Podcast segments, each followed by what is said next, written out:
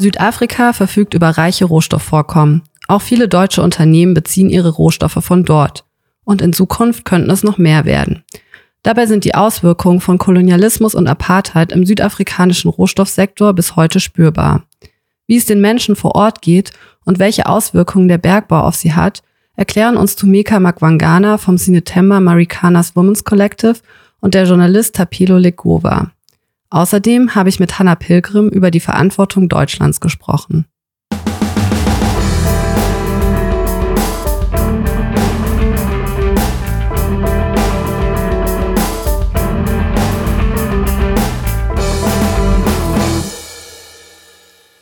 Hallo und herzlich willkommen bei Kompass Weltwirtschaft, dem Podcast von PowerShift. Mein Name ist Vanessa Fischer, ich bin hier Pressereferentin und ich freue mich sehr, dass ihr heute eingeschaltet habt. Mit mir heute im Studio sitzt Hanna Pilgrim. Sie ist Koordinatorin des AK Rohstoffe und war Anfang des Jahres unter anderem in Südafrika. Warum sie dorthin gereist ist und was sie auf ihrer Reise erlebt hat, darüber wollen wir heute sprechen. Hallo Hanna, schön, dass du hier bist. Hallo Vanessa, danke für die Einladung. Ja, sehr gerne, Hanna. Du warst in Südafrika und hast dort viele spannende AktivistInnen getroffen, die von den Auswirkungen des Bergbaus und des Transports der Rohstoffe betroffen sind. Du sitzt gerade noch an einem Papier dazu und es wird auch eine Scrolly-Page geben später, auf der du deine Eindrücke und Erfahrungen dann schilderst. Aber wie kam es eigentlich dazu, dass du nach Südafrika gereist bist? Ja, gute Frage. Also ich war vor allem auf den Spuren der indirekten Einflüsse eigentlich Deutschlands und äh, da spielt Südafrika eine große Rolle, weil wir einfach in großem Maßstab Metalle aus Südafrika beziehen. Zum anderen hatte sich letztes Jahr auch das Massaker von Marikana, was sicherlich einigen Zuhörerinnen ein Begriff ist, zum zehnten Mal gejährt. Und äh, neue Analysen haben erneut deutlich gemacht, äh, die Situation vor Ort hat sich immer noch nicht verbessert. Wir werden da später ja auch nochmal drauf eingehen. Und zum anderen hat auch eine große zivilgesellschaftliche Konferenz stattgefunden, wo quasi Betroffene von Bergbau, Kirchen, NGOs und so weiter zusammengekommen sind, um sich über die Konsequenzen und gemeinsame Forderungen ähm, ja, zusammenzutun und ähm, zu koordinieren und aktiv zu werden. Und dort durfte ich auch dabei sein. Mhm.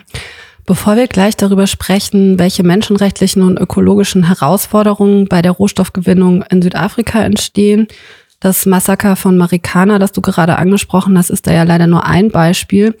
Und auch bevor wir darüber sprechen, welche Rolle Deutschland in diesem doch weit entfernten Land eigentlich hat, vielleicht zunächst mal die Frage an dich, welche Rohstoffvorkommen gibt es denn in Südafrika überhaupt?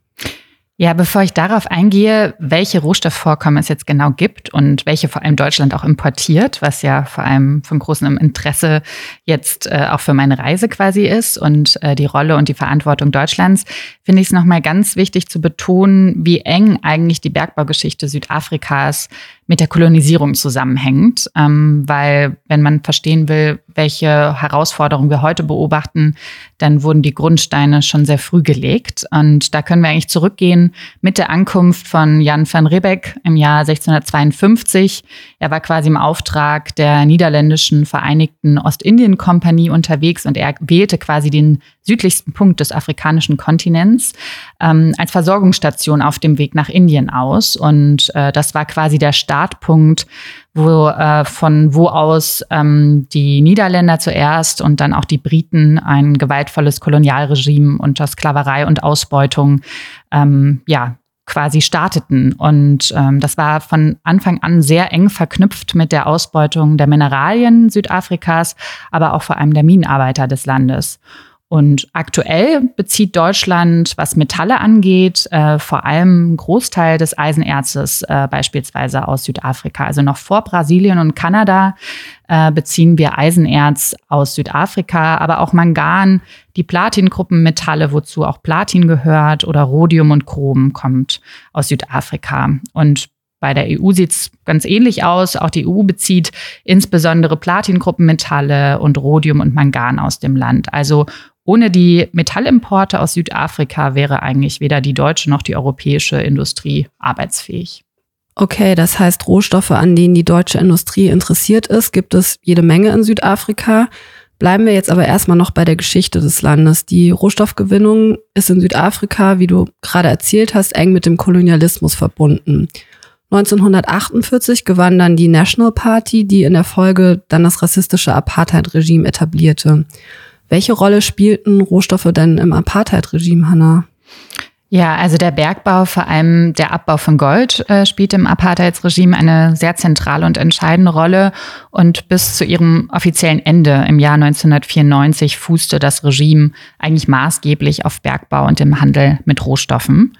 Und dabei stützte sich ähm, dieses rassistische Apartheidsregime vor allem auf eine koloniale Gesetzgebung, klassifizierte quasi die Bevölkerung unter ganz rassistischen Kategorien und verfolgte eine durch und durch rassistische Raumplanung. Ganz beispielhaft, also nur 13 Prozent der Landfläche Südafrikas wurde dann dem Großteil der Bevölkerung, 80 Prozent, äh, zugewiesen. Ähm, und das Ziel war es ganz klar, alle, die sie als schwarz klassifizierten, äh, in die sogenannten Homelands umzusiedeln, ihre südafrikanischen Rechte komplett zu entziehen und die Kontrolle Südafrikas quasi der weißen Bevölkerung zu übergeben. Und gleichzeitig dienten eben diese Homelands ganz klar als Quelle billiger Arbeitskräfte und ermöglichten somit der Bergbauindustrie auch extrem niedrige Lohn- und Arbeitskosten. Also zusammenfassend kann man sagen, dass die rassistische Apartheidspolitik sehr, sehr eng mit der Gewinnung und auch dem Handel von Rohstoffen verknüpft war und ohne diese enge Verbindung ähm, eigentlich gar nicht hätte existieren können. Hm. Mit dem Ende des Apartheid-Regimes 1994 hat es sich in Südafrika natürlich ganz, ganz viel zum Positiven verändert. Trotzdem sind die Auswirkungen von jahrzehntelang institutionalisiertem Rassismus natürlich immer langfristig und verschwinden nicht einfach über Nacht. Das sehen wir in den USA, das sehen wir in Deutschland und ich denke natürlich auch in Südafrika. Und da würde mich von dir interessieren, was du von den Menschen vor Ort dazu gehört hast. Also wie wirken sich die Folgen des Apartheid-Regimes, wenn wir jetzt mal beim Bergbausektor bleiben, auch heute noch aus? In Südafrika sieht man diese rassistischen Auswirkungen immer noch daran, wo zum Beispiel Bergbau stattfindet, wer davon profitiert und wer in erster Linie von den potenziellen Risiken betroffen ist.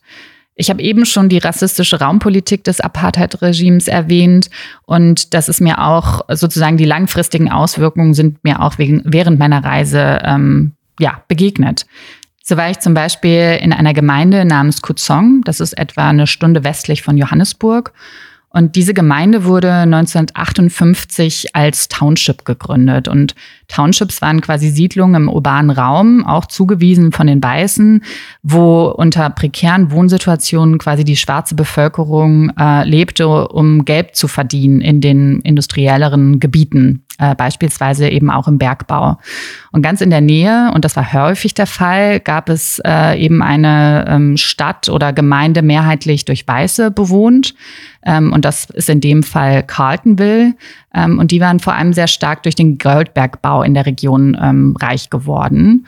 Und in Kuzong, ähm, der damals als Township gegründet wurde, ähm, den habe ich quasi besucht, ähm, eine Frauengruppe. Und dort wird in bis zu vier Kilometern Tiefe, wird hier seit den 30ern quasi Gold abgebaut.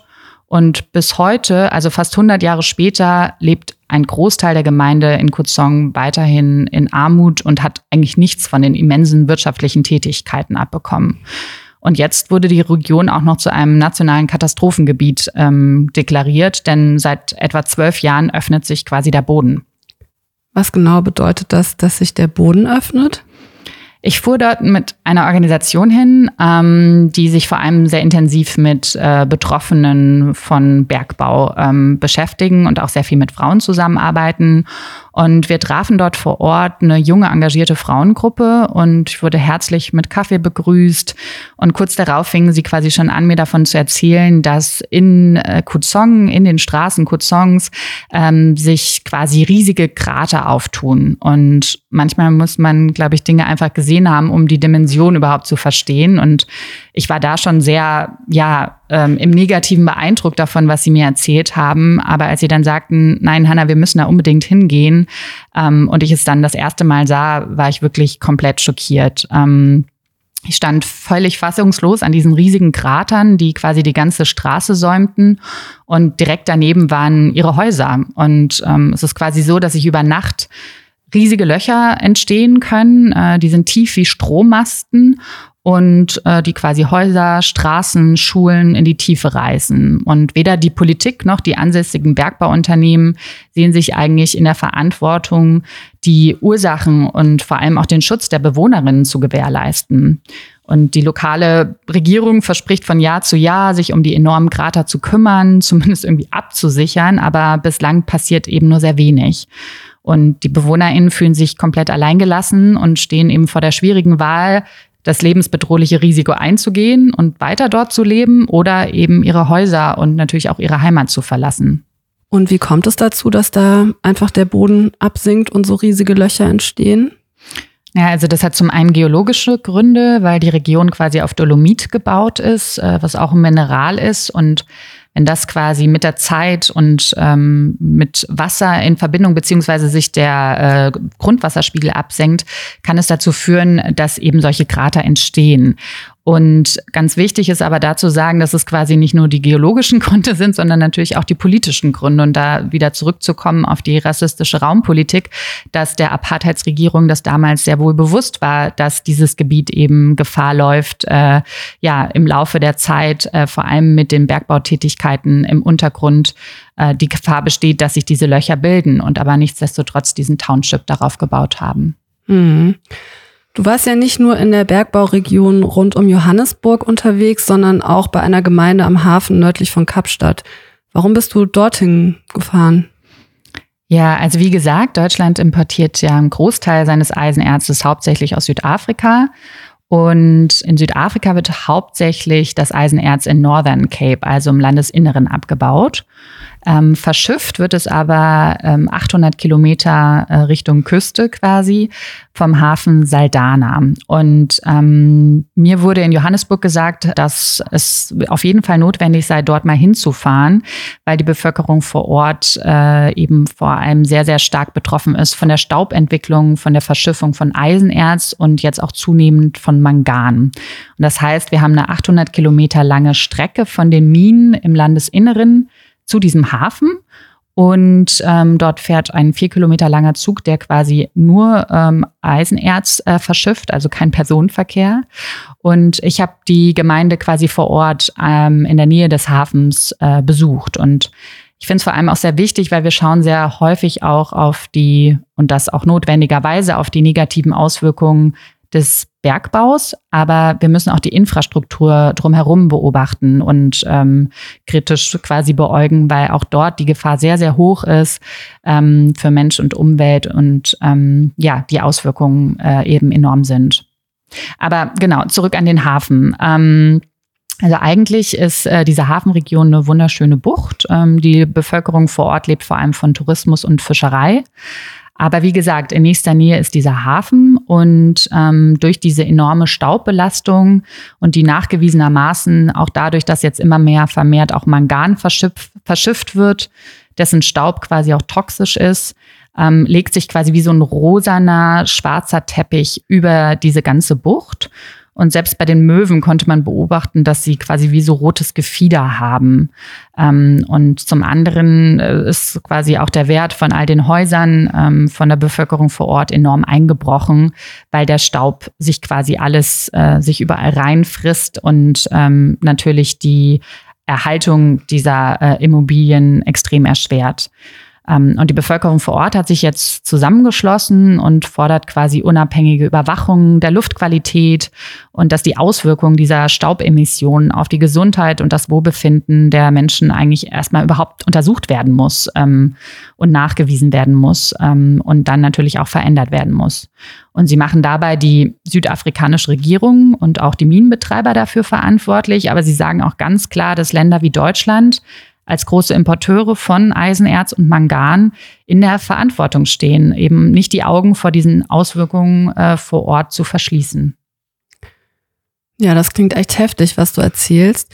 In Deutschland ist ja tatsächlich sehr wenig sowohl über die Situation in Kozong als auch über die in der Nähe des Hafens bekannt, von dem du gerade gesprochen hast, beziehungsweise ich würde sagen insgesamt über die Situation der Menschen in den Bergbauregionen in Südafrika. Wenn überhaupt, dann hat man hier schon mal etwas von dem Massaker von Marikana gehört. Im August 2012 hatten sich dort in einer Platinmine etwa 3000 Arbeitende einem Streik angeschlossen. Sie forderten existenzsichernde Löhne, bessere Wohnbedingungen und eine gerechtere Verteilung der Rohstoffeinnahmen. Auch hier spielten sicher Nachwirkungen der rassistischen Apartheidszeit eine Rolle. Der Streik endete allerdings mit einer blutigen Niederschlagung, bei der die Polizei 34 streikende Bergarbeiter tötete und 78 weitere zum Teil schwer verletzte. Im August hat sich das Massaker zum elften Mal gejährt. Hanna, du hast ja mit den Betroffenen gesprochen. Was haben sie dir erzählt? Wie ist die Situation heute in Marikana? Ja, also erst kürzlich, und das war quasi, wie gesagt, auch der ausschlaggebende Faktor, ähm, haben zwei südafrikanische WissenschaftlerInnen im Auftrag von Brot für die Welt äh, sich quasi nochmal die Lage vor Ort angeschaut und untersucht, viele Gespräche geführt. Und sie kamen eben mehr als zehn Jahre nach dem Massaker zu dem Ergebnis, dass die Bevölkerung weiterhin auf Gerechtigkeit wartet.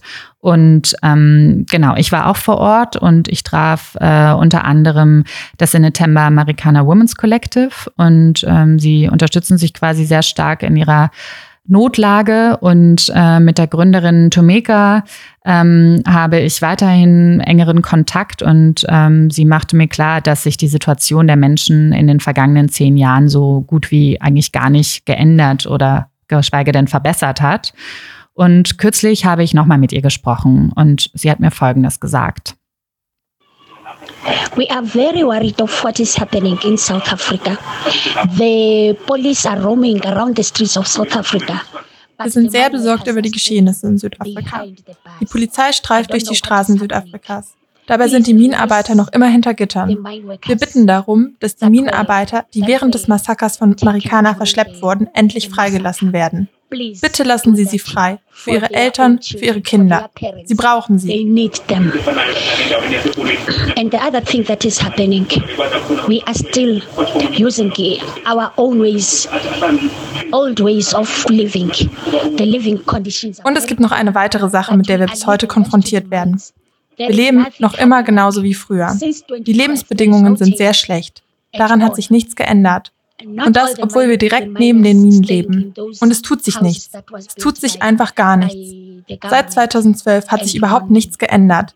Die wenigsten Minenarbeiter konnten in den Häusern bleiben, die von der Regierung und Blonmin gebaut wurden. Denn sie können es sich nicht leisten, in diesen Häusern zu wohnen, weil sie das Geld, das sie in der Mine verdienen, nach Hause zu ihren Familien schicken müssen. Und beides können sie nicht weil sie immer noch unterbezahlt sind.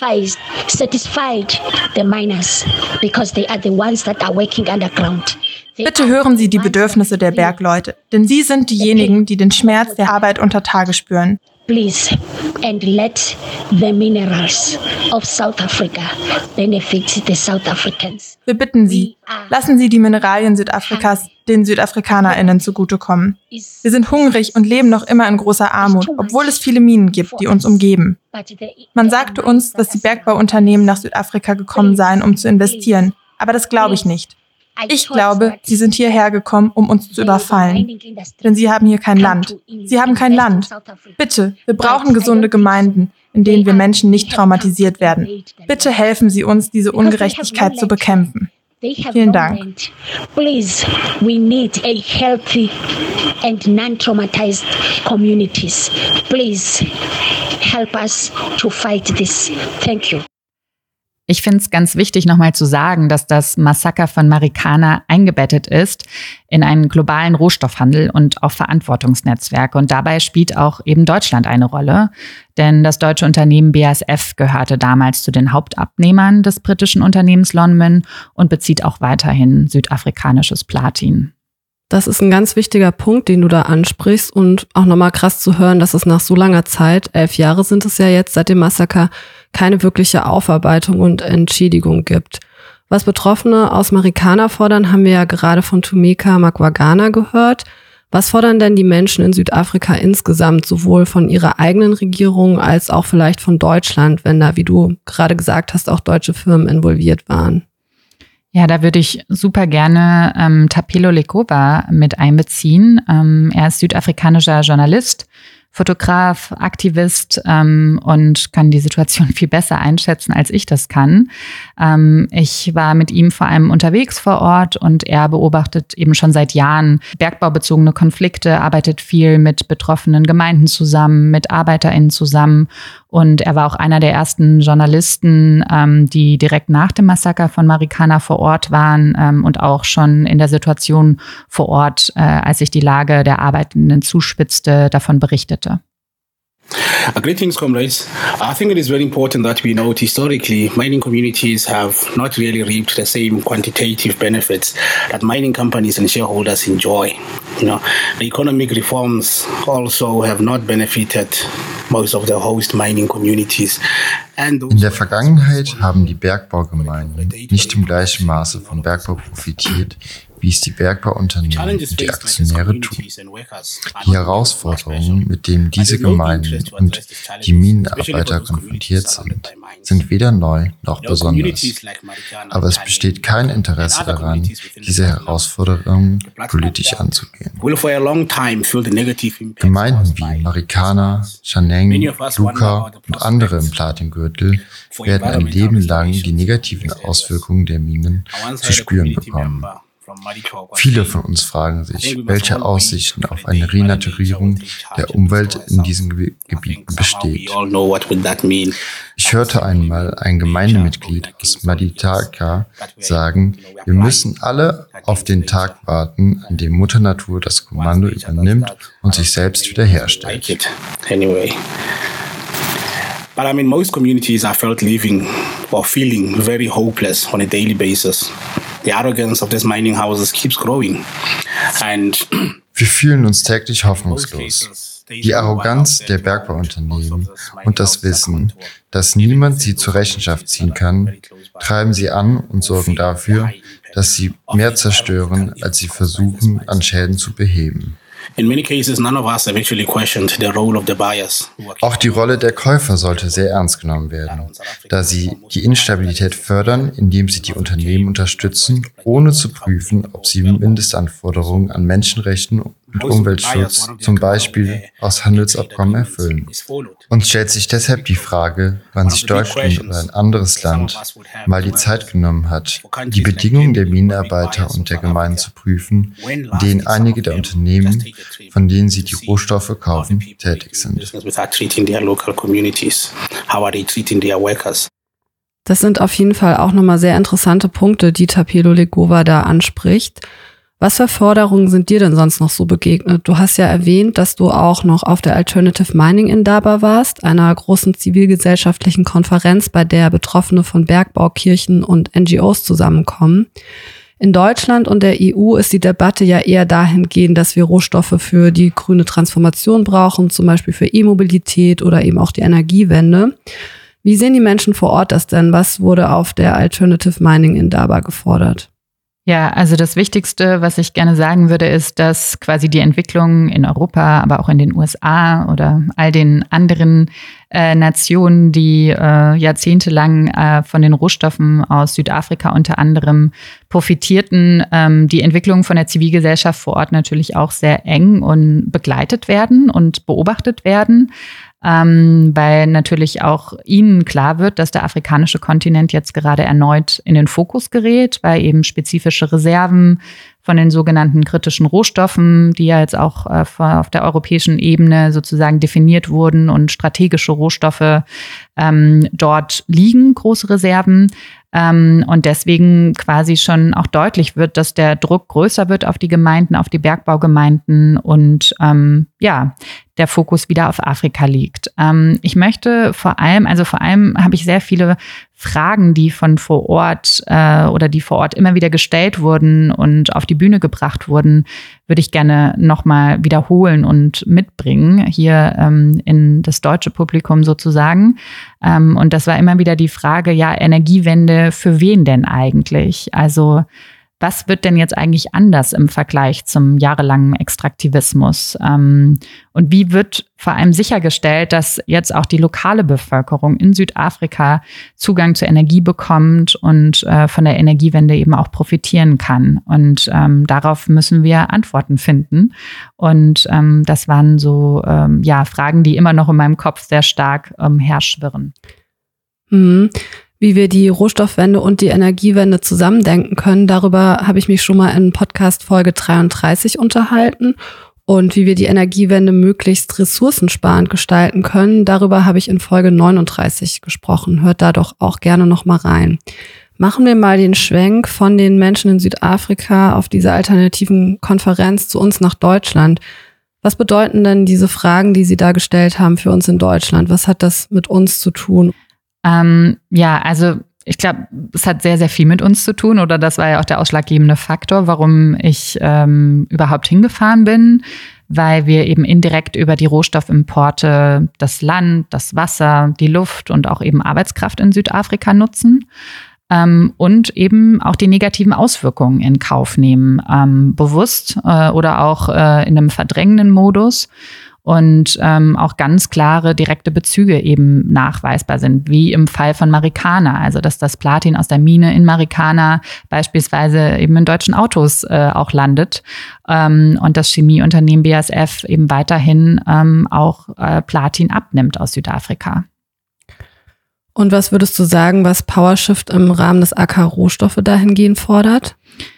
Also wir schauen ja gerade sehr intensiv vor allem auf, auf die EU-Ebene, wo ja der Critical Raw Materials Act erarbeitet wird oder wo auch das europäische Lieferkettengesetz erarbeitet wird und äh, versuchen da vehement äh, Punkte mit einzubringen, die in den letzten Jahrzehnten eben immer vernachlässigt wurden und die auch weiterhin noch nicht im Fokus sind und dass es, dass deutsche Unternehmen ähm, als Importeure eine Verantwortung tragen für die Auswirkungen, die ich jetzt eben auch genannt habe, ob es die Staubemissionen sind, äh, wie das Eisenerz verschifft wird und so weiter, äh, oder die Arbeitsbedingungen, dass sie dafür Verantwortung tragen und dass wir uns endlich darüber Gedanken machen müssen und handeln müssen vor allem und Maßnahmen ergreifen müssen, wie wir unsere hohen Rohstoffbedarfe ähm, eben reduzieren. Und ähm, ja, äh, eine Kreislaufwirtschaft etablieren, aber eben darüber hinaus vor allem auch konkret gucken, ähm, sektorspezifisch, wo die höchsten Potenziale sind, äh, um den Druck eben zu reduzieren ähm, auf die Betroffenen in den Bergbauregionen. Das klingt nach einem Schlusswort, Hanna. Über den Critical Raw Materials Act könnt ihr euch auch nochmal in Folge 39 informieren. Hört da auch gerne nochmal rein. Ansonsten danke ich dir, dass du heute hier warst. Das war echt aufschlussreich und deine Beispiele von Marikana, den Goldlöchern von Kuzong und den toxischen Staubwolken am Hafen haben, glaube ich, ganz gut gezeigt, dass in einem global vernetzten Rohstoffsystem die Verantwortung eben nicht alleine im Land des Rohstoffabbaus liegen kann, sondern auch bei den Abnehmern des begehrten Rohstoffs liegt. Ja, und wie immer bedanke ich mich natürlich auch bei allen ZuhörerInnen. Alle genannten Studien und das Hintergrundpapier, an dem du, Hanna, gerade noch sitzt, findet ihr ab jetzt, beziehungsweise wenn es dann veröffentlicht ist, in den Show Notes. Ebenfalls dort findet ihr den Link zum Spenden. Wir freuen uns natürlich über jede Spende, die diese Arbeit überhaupt erst möglich macht. Wenn ihr nicht spenden könnt oder mögt, freuen wir uns natürlich auch, wenn ihr unseren Podcast liked, teilt und abonniert. Und ansonsten bis zum nächsten Mal. Danke euch fürs Zuhören und bis bald. Bis bald.